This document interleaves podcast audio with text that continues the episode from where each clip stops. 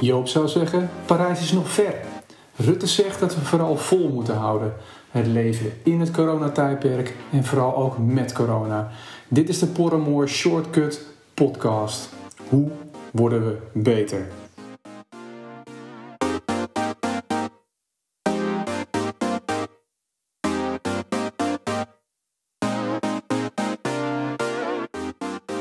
De Shortcut-series. Omdat we op zoek zijn naar fundamentele principes en de koninklijke route. Maar ook naar slimmigheidjes. Waarmee onder andere ik, herstel we, morgen ons voordeel kunnen doen. Zonder al te veel gedoe en al te veel geld, tijd en het liefst met meteen resultaat. Hoe worden we beter? En niet omdat het niet goed ging zoals we het deden, maar omdat het op een andere manier kan die beter past bij deze tijd. Mijn naam is Mark Kultjes en voor deze serie een vaste gesprekspartner. Aan de andere kant van de lijn daar hangt hij, de man die overal zijn leermomentje uithaalt, Robert Hulsman. Robert, je hebt het net gehoord, in deze serie maak jij onderdeel uit van het meubilair. Iemand die er altijd is. In de eerste aflevering vertelde je wat je zo interessant vindt aan aanbestedingen. Zo interessant zelfs dat je er een onderzoek naar hebt gedaan. Hieruit zijn enkele conclusies getrokken. Als luisteraars die nog een keer willen horen, check aflevering 1 van deze serie. In de eerste aflevering heb je de vragen benoemd die bij jou resteren en hebben we verteld wat de thema's zijn rondom deze vragen.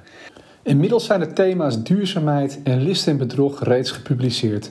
Vandaag gaan we in gesprek aan de hand van het laatste onderwerp. En dat is begrip en onbegrip. We doen dit met Niek Beel van KWS en Yvonne Verver van Heijmans. Nu het zonnetje eindelijk weer een beetje begint te schijnen en de magnolia als een malle staat te shinen in de tuin, ben ik eigenlijk wel benieuwd hoe iedereen er inmiddels bij zit. Maar ach, alles is al ruimschoots opgenomen. Dus dat doen we niet. Hop, aan de slag. En bij mij loopt hij weer. Okidoki. Uh, het thema begrip en onbegrip. Wederom aan de hand van de publicatie van de CROW Omgaan met MV-beloften, waarin staat dat bij de uitvoering van diensten en werken niet alle beloften die in een aanbesteding worden aangeboden daadwerkelijk worden waargemaakt. En veel voorkomende oorzaak in iedere fase is te vatten in onbegrip. Ik uh, citeer: MV-criteria zijn niet helder omschreven, een onduidelijke verwoording, vage beloften, MV-beloften zijn niet helder, er kan een interpretatieverschil ontstaan. Nou, dan komt mijn derde vraag.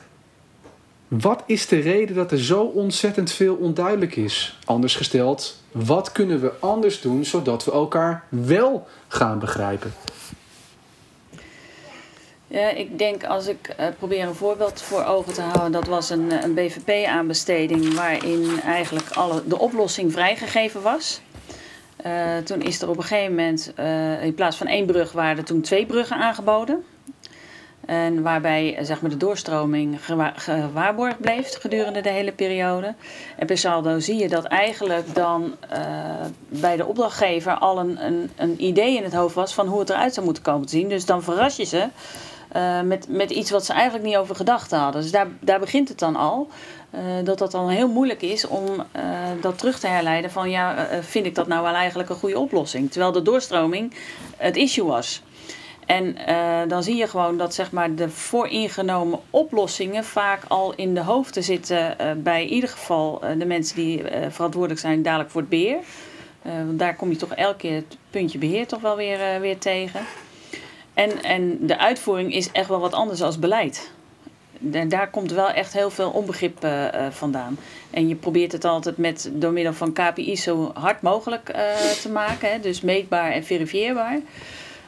Um, maar in de praktijk is dat gewoon heel lastig. En vaak beginnen wij dus dan ook zeg maar, met een project start-up.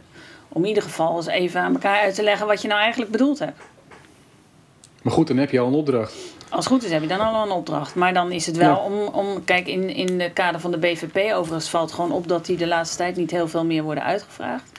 Dan heb je altijd zo'n fase, zo'n concretiseringsfase... waarin je dat dus aan elkaar ja. uit gaat, uh, gaat leggen. Uh, maar iedereen probeert het zo duidelijk mogelijk op uh, te schrijven... met zoveel mogelijk voorbeelden... Uh, maar taal en, en begrip blijft gewoon wel moeilijk, ja. Wel grappig dat je uh, de concretiseringsfase van de best wel je noemt, Yvonne. Want in de, in de handreiking is dat ook een van de tools die je zou kunnen inzetten om de interpretatieverschillen of de perceptieverschillen voor contract te bespreken met elkaar. Dus dat. Dus en je ziet nu ook vaak dat er nu weer toelichtende interviews meer worden, worden toegepast. Hè? Dus waarin je gewoon je aanbieding kan toelichten. En dat geeft soms vaak ook heel veel uh, duidelijkheid. Zo'n zo voorbeeld wat je net had over die twee bruggen. De, eh, de beheerder heeft al in zijn hoofd zitten wat hij, wat hij wil krijgen. Komt dat wellicht ook doordat hij, ik weet niet of dat in dat geval ook was, dat hij toch al behoorlijk in zijn eisenpakket heeft richting gegeven in de, wat de oplossing zou moeten zijn? Dus ik kan me voorstellen als je heel hoog over eh, zegt er is een brug, jij moet van A naar B. De, de, de, de het enige wat er moet komen is, uh, ik wil weer dat uh, verkeer van A naar B kan en dat dat uh, 100 jaar of 50 tot 100 jaar op een goede manier kan. Ja, het was dus wel breed uitgevraagd, maar zeg maar in, in de hoofden zat dus gewoon niet deze oplossing.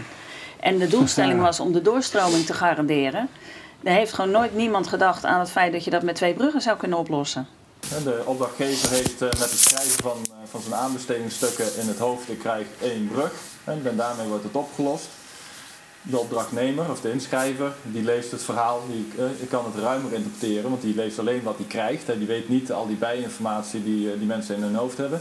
En die kan dus heel iets anders interpreteren. Wat ook gewoon voldoet aan de vraag. Dat, dat is gewoon de situatie.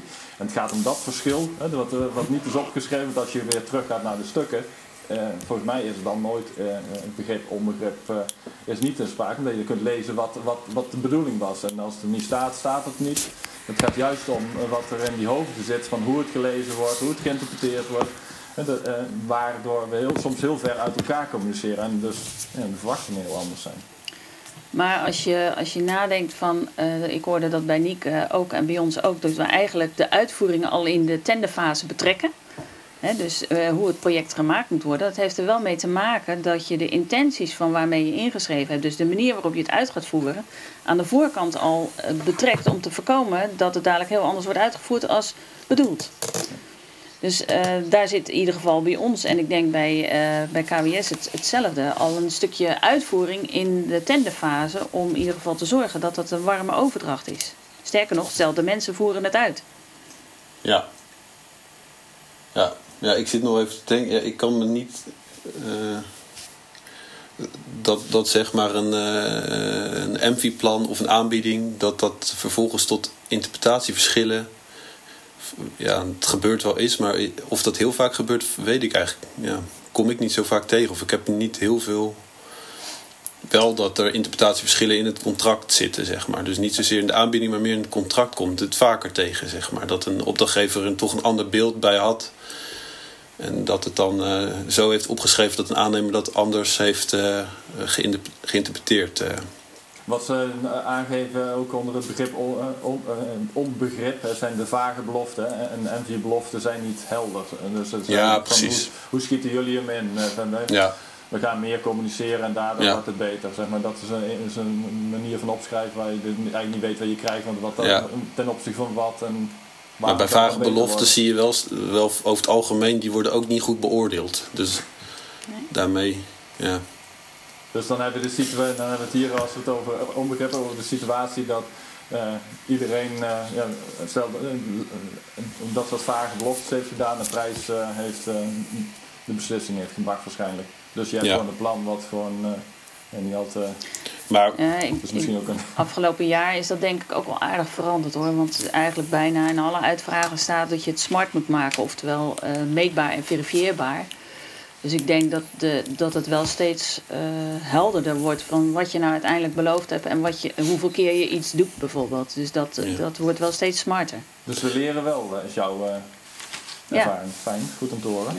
Ja, ja dat denk ik ook zeker. ja, en, en er staat al Kijk, eh, het, blijft altijd lastig natuurlijk om, om echt in, om in papier jouw idee goed over te brengen. Dus het, werkt ook soms andersom dat, je, dat een maatregel niet is begrepen. Terwijl, terwijl je als aannemer uh, uh, denkt dat daar enorm veel waarde in zit, komt dat helemaal niet over, zeg maar. Nou, of dat een, een opdrachtgever de maatregel niet helemaal begrijpt en, en denkt er veel meer van zo'n maatregel te krijgen dan dat die aannemer dat had opgeschreven. Dus in dat opzicht is een concretiseringsfase of een, of een presentatiefase of dat soort zaken die helpen daarin natuurlijk wel enorm. Er komt natuurlijk wel weer een stukje extra capaciteit en inzet dan nodig in zo'n tender. Dat is dan het nadeel. Maar je hebt dan wel wat meer de mogelijkheden om je aanbieding toe te kunnen lichten. Of vanuit opdrachtgever om die aanbieding nog wat meer te toetsen, zeg maar. je, je noemde net, uh, je hebt een, een, een, plan beschreven en het wordt niet begrepen door de beoordelaars. Mm ligt dat dan aan, de, aan de, de, dat het te technisch is uh, voor de beoordelaars? Of, uh, of, of, of de, kun je daar iets van. Nou, ik kan wel. Ze, ehm, als je zegt maar met, even, om even een beetje inzicht te geven in hoe een, hoe een tender vanuit een, een aannemer, die is bijvoorbeeld die, een tender die loopt dan een zes weken of soms langer of korter. Maar laten we zes weken aanhouden, die is natuurlijk met een heel team bezig en dat die uitvraag helemaal aan het uitpluizen, nadenken. Dus er zit een enorme denkstappen zitten daar gaandeweg dat proces. En dan moeten die uiteindelijk resulteren die, uh, in een, in een idee van zo willen we dat werk aanvliegen. Zo denken wij dat dat goed gaat scoren. En ehm, dan moet dat op papier ook nog gezet worden. En dan vaak krijg je maar een beperkt aantal pagina's.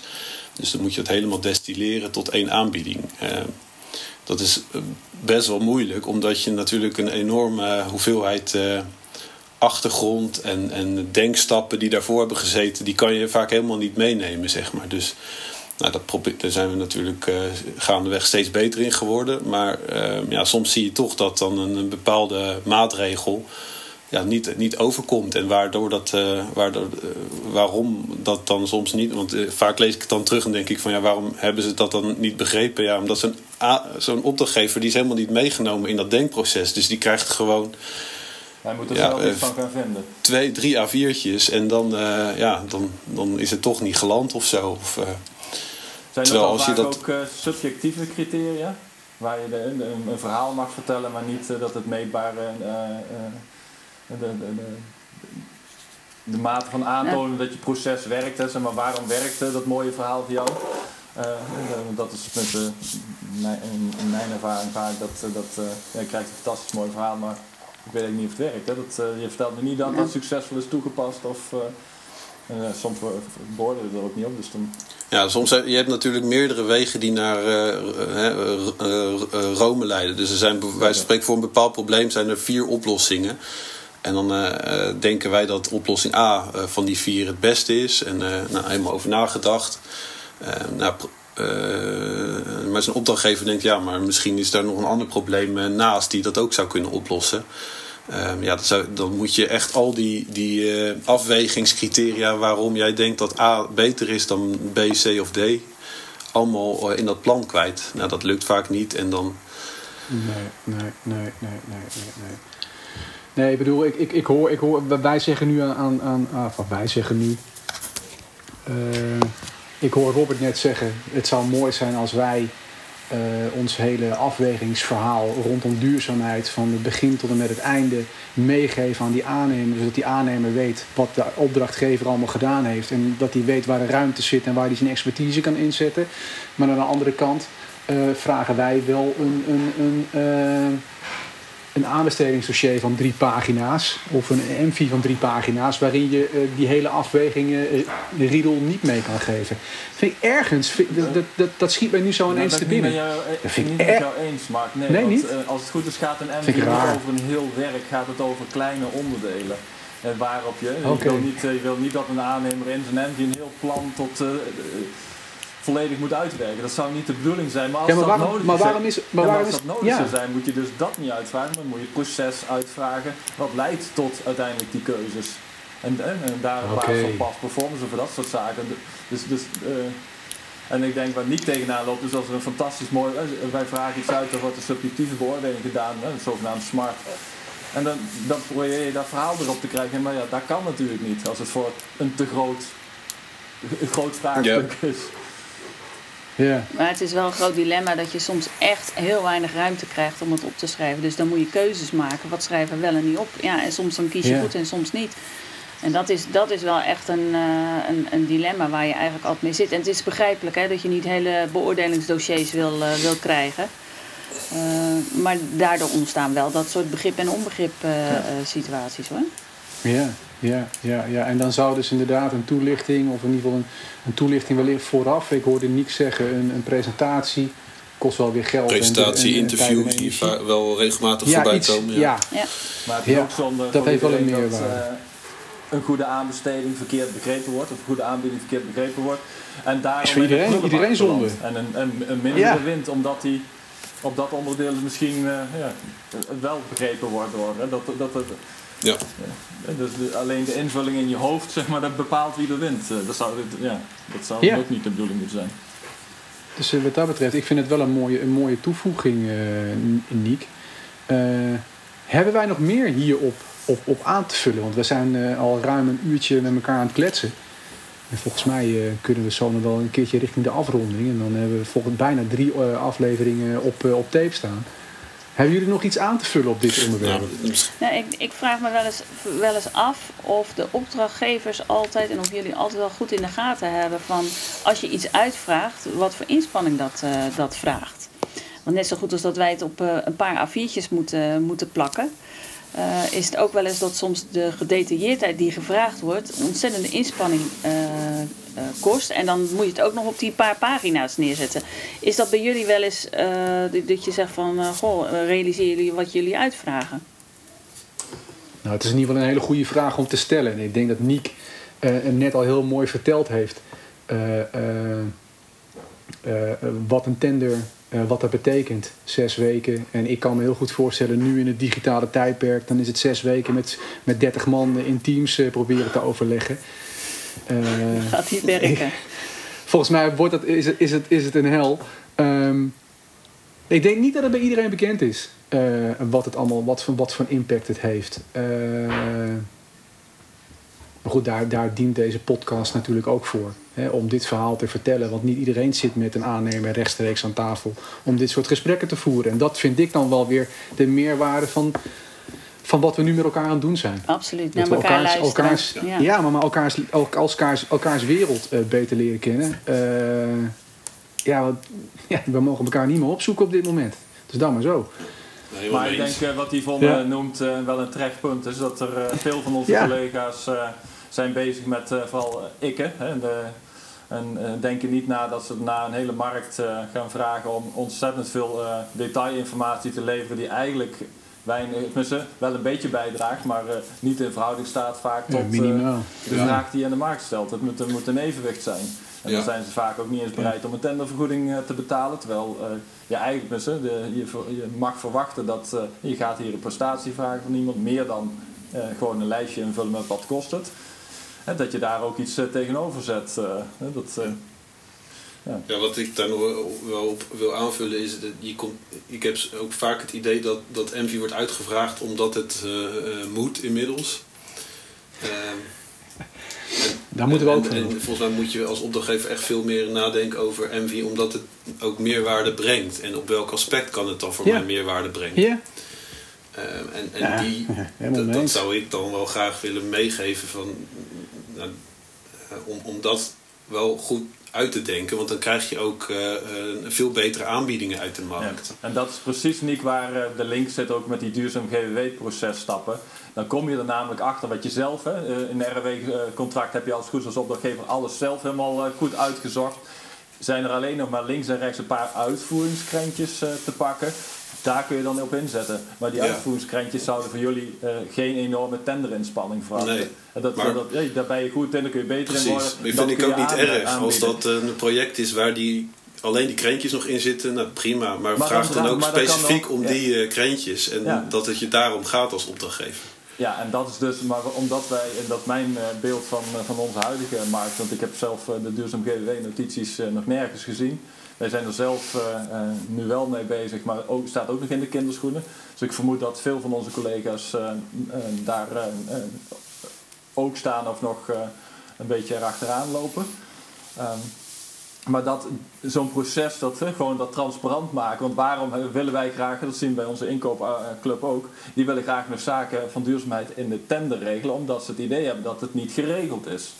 Terwijl 90%, 95% van, van, van, van bepalen wij met het opschrijven van het contract. Wij bepalen de initiële condities waarmee het project duurzaam is of niet. En, uh... Maar ik denk, ik denk dat je goed na moet denken inderdaad wat voor soort project je onder handen hebt en hoe vrij je het wil geven of hoe je samen de duurzaamheidsontdekking wil, ja. wil maken. Hè? Maar is het gewoon een, op, ja, een heel eenvoudig werk, dan kan je prima gewoon de RW van toepassen uit. Dus maak echt die keuze ook in welk project vraag je breed uit en welk project doe je gewoon met een RW. Ja, maar in die end denk ik als we met elkaar gaan samenwerken, want dat is uiteindelijk wat we volgens mij wel willen doen, moeten willen doen, willen we stappen maken in Nederland, dan moeten we van elkaar willen leren en openstaan, hè, begrip, onbegrip. Uh, we, we, zijn, we hebben verschillende belangen, dat is ook prima. Een aannemer hoort winst te maken, wij horen die winst te betalen, dat, anders hebben jullie geen bestaansrecht. Aan de andere kant hoort aannemer op die, op die manier ook die expertise te delen om ons beter te maken, om onze belangen uh, ook te behartigen. die belangen liggen dan in het verduurzamen van het project bijvoorbeeld. En als we daar elkaar in kunnen gaan vinden, hè, dat we dus jullie mogen ook gewoon netjes geld verdienen. Wij krijgen een topproduct. En we, en we, leren van elkaar en we delen dat met de markt, zodat de rest allemaal elk project weer een stapje beter gaat. Als we dat met elkaar kunnen bereiken. En daar hoop ik dat deze podcast uh, mensen in ieder geval tot uh, uh, nadenken zet. ja, ben ik heel blij. Nee, ik, ik, ik stel nog één vraag. Zijn wij een klein beetje beter geworden? Nu vandaag? Ja? Tuurlijk. Zo, met z'n vieren? Nou, ik, ik denk dat je met elkaar nu de, de vraagstellingen hebt doorlopen. En dat je eigenlijk uh, allemaal wel voelt dat er gewoon uh, verandering is. Maar ook de wil om te verbeteren. En ook de wil om elkaar op te zoeken. Ik denk dat dat gewoon heel positief is. En dat merk je gewoon in, dat, uh, in, de, in de afgelopen tijd die we nu met elkaar aan de babbel zijn. Merk je echt dat de intenties gewoon goed zijn. Dat vind ik mooi om te horen. Niek, jij nog een laatste toevoeging? Ja, daar sluit ik me bij aan. Uh, ik vind het gewoon uh, uh, ja, echt wel de meerwaarde van deze podcast. Dat je gewoon wat vrijer zo met elkaar erover kan hebben. in een aanbesteding is dat, is dat gewoon niet mogelijk. Want dan zit je aan al die regelgeving vast. Maar nu kan je gewoon vrijelijk open met elkaar bespreken tegen welke problemen je aanloopt. En hoe je met elkaar beter kan worden. Dus ik vind het echt super.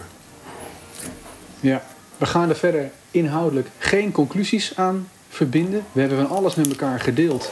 Uh, maar mensen moeten maar gewoon, ja, de mensen die luisteren moeten hun eigen conclusies maar trekken. Ik wil jullie hartstikke bedanken voor jullie bijdrage.